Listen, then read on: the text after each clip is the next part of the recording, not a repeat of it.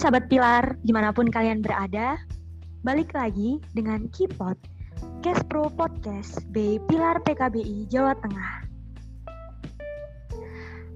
Hai, aku Nurul dari Pilar dan ada temanku Kak Husen dan Kak Rina.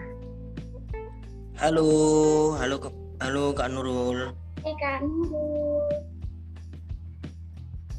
Di podcast kali ini, kita akan bahas tentang penyakit kanker.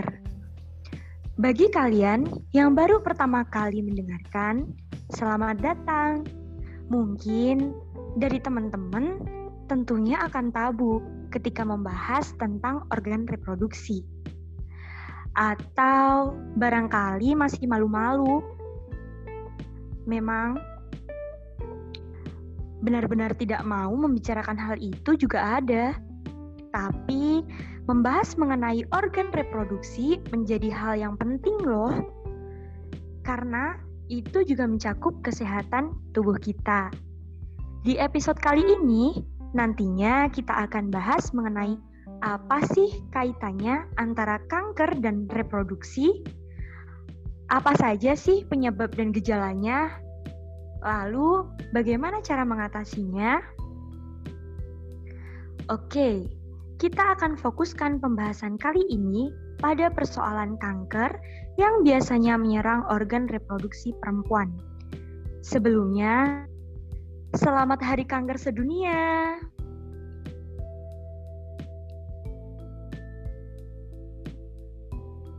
Mungkin dari kalian pastinya sudah banyak yang tahu tentang kanker yang biasa menyerang organ reproduksi perempuan, seperti kanker serviks dan kanker payudara.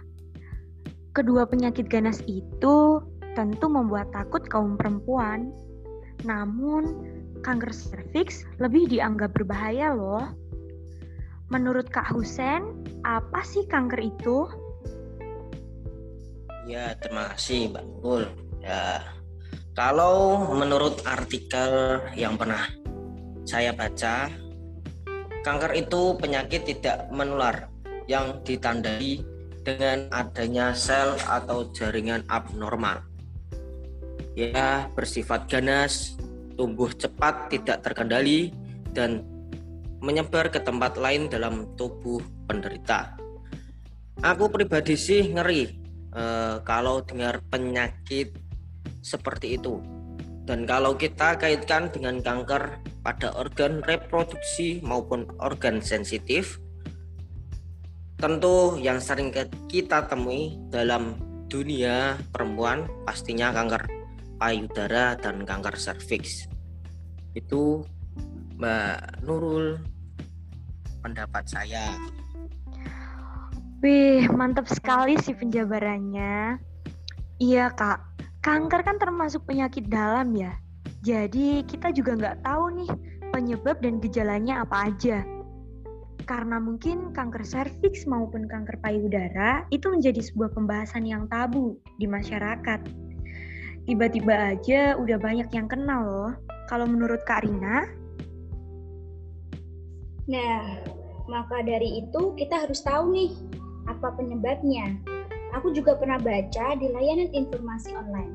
Kalau kanker serviks itu terjadi karena adanya aktivitas seksual dini, yaitu berhubungan seks sebelum usia 20 tahun. Lalu hubungan seks dengan banyak partner secara berganti-ganti, kebiasaan merokok, dan yang paling sering itu ya karena kurangnya menjaga kebersihan alat kelamin. Itu yang biasanya disepelekan banyak orang. Nah, benar sekali Mbak Nir, Mbak Rina.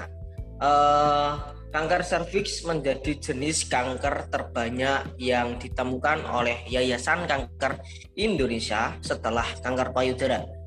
Terus, uh, menurut WHO, 490 ribu perempuan di dunia setiap tahun didiagnosa karena kanker serviks dan 80% berada di negara berkembang termasuk di negara kita, negara Indonesia.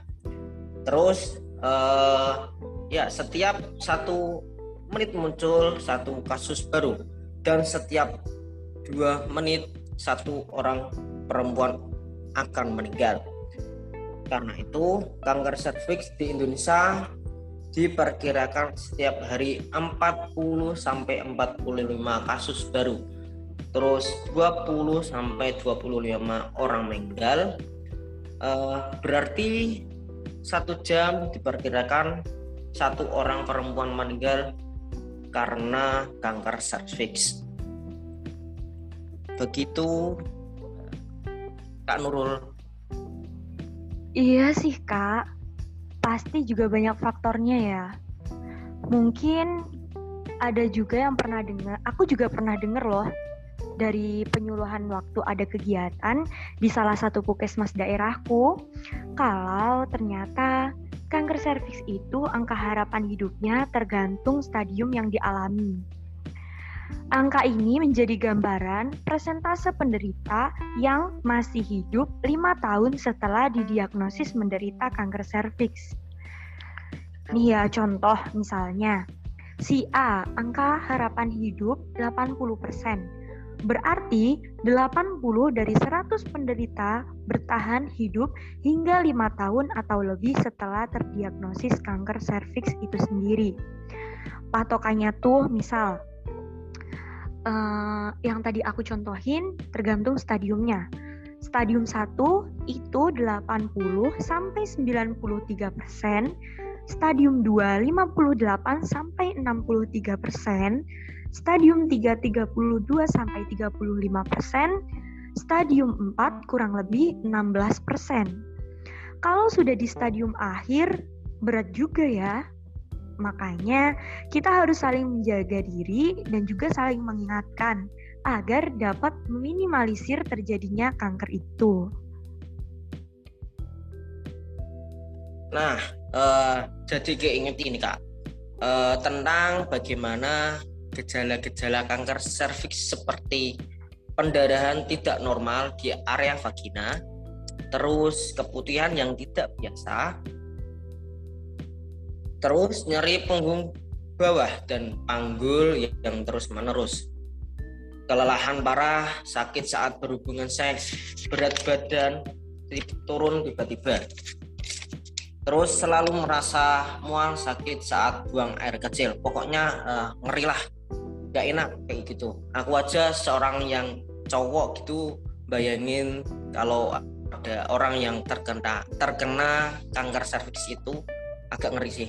Begitu mbak. Menurut Kak Arina gimana? Iya setuju. Tentu menjadi sebuah hal yang sangat berat buat dihadapi sih. Jadi menurutku malah ada dua penyakit yang menyerang penderita kanker serviks. Yang pertama, kanker serviks itu sendiri. Dan yang kedua, tentu jika tidak kuat dengan kondisi diri sendiri dan tidak berada di lingkungan yang tidak tepat, pasti akan ada beban penyakit psikis juga. Penyakit seperti itu pasti dipandang buruk oleh publik dong. Belum lagi jika dijauhi oleh keluarga, teman, atau bahkan kehilangan impian-impian masa depannya. Memang sangat kompleks ya kak pembahasan kali ini. Sebenarnya kanker serviks itu kan kanker yang muncul dan tumbuh di leher rahim. Jadi mungkin tidak sepenuhnya bisa dikenali dengan orang awam dengan ciri-ciri yang tadi disebutkan ya. Tapi memang benar, psikis seseorang juga akan terganggu ketika tidak ada penerimaan dari dalam diri sendiri maupun di lingkungan sekitar. Ya, aku pernah baca juga uh, salah satu artikel kalau ternyata kanker serviks itu bisa juga menular. Menurut pemaparan Ketua Himpunan Onkologi Ginekologi Indonesia dari Prof. Dr. Andri Jono, SP, SPOGK. Terus waktu ada acara ngobras eh, waktu lalu, ngobras asik di Jakarta, beliau menjelaskan jika uh, kanker serviks juga vaksin minimalisir adanya penularan. Begitu, Karina. di Indonesia juga kan banyak ya yang terkena penyakit ini. Dari artis-artis, musisi, bahkan pejabat. Seperti yang sering diobrolin orang-orang juga, almarhumnya Julia Perez pas lagi naik daun dan meninggal pada tahun 2017. Padahal kabarnya di tahun 2015 itu dinyatakan sembuh dari penyakit kanker serviks. Tapi memang sih takdir tidak ada yang tahu. Ada juga artis senior Titik Puspa yang sembuh dari kanker serviks masuk di stadium 3. Lalu ada musisi Melanie Subono juga sembuh dari kanker serviksnya dengan menjalani pola makan vegan tanpa mengkonsumsi daging.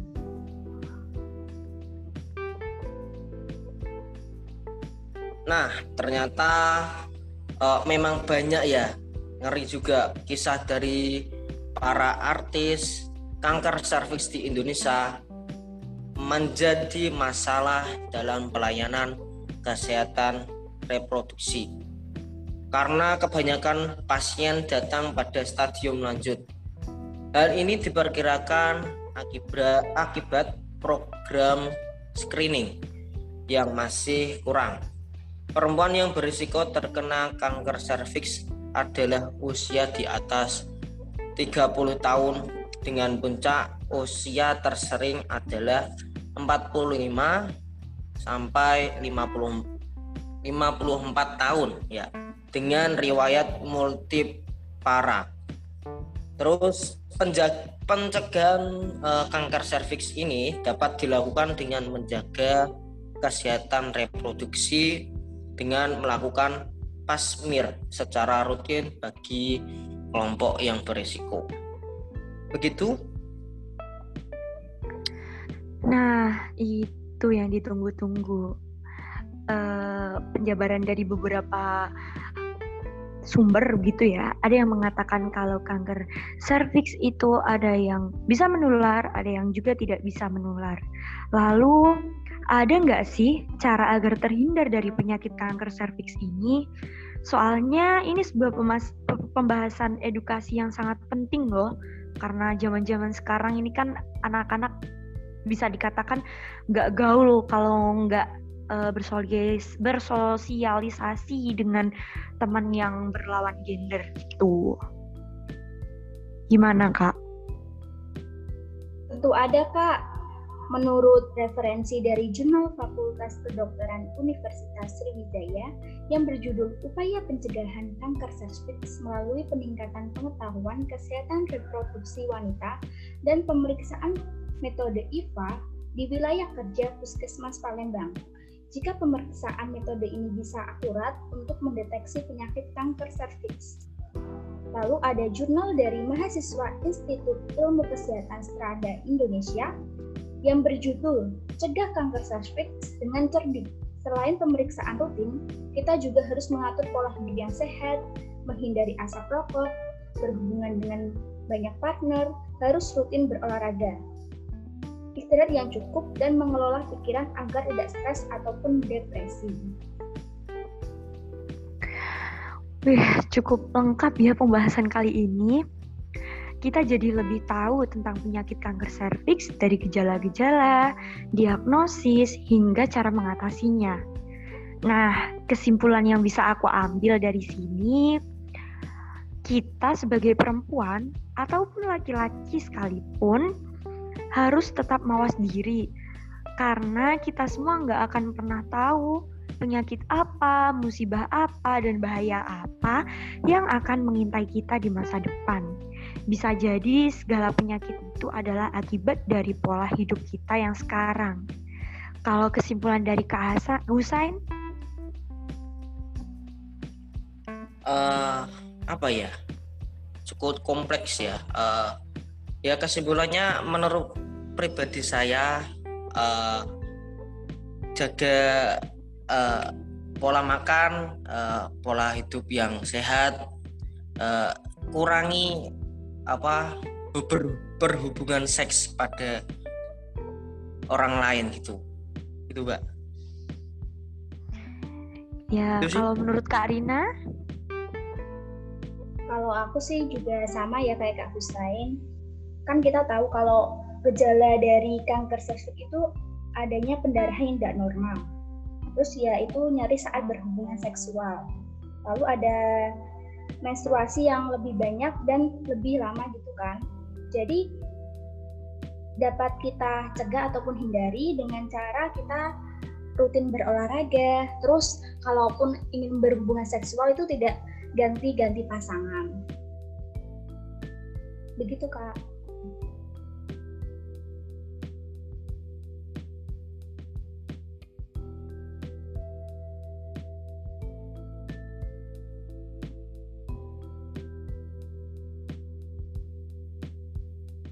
Nurul.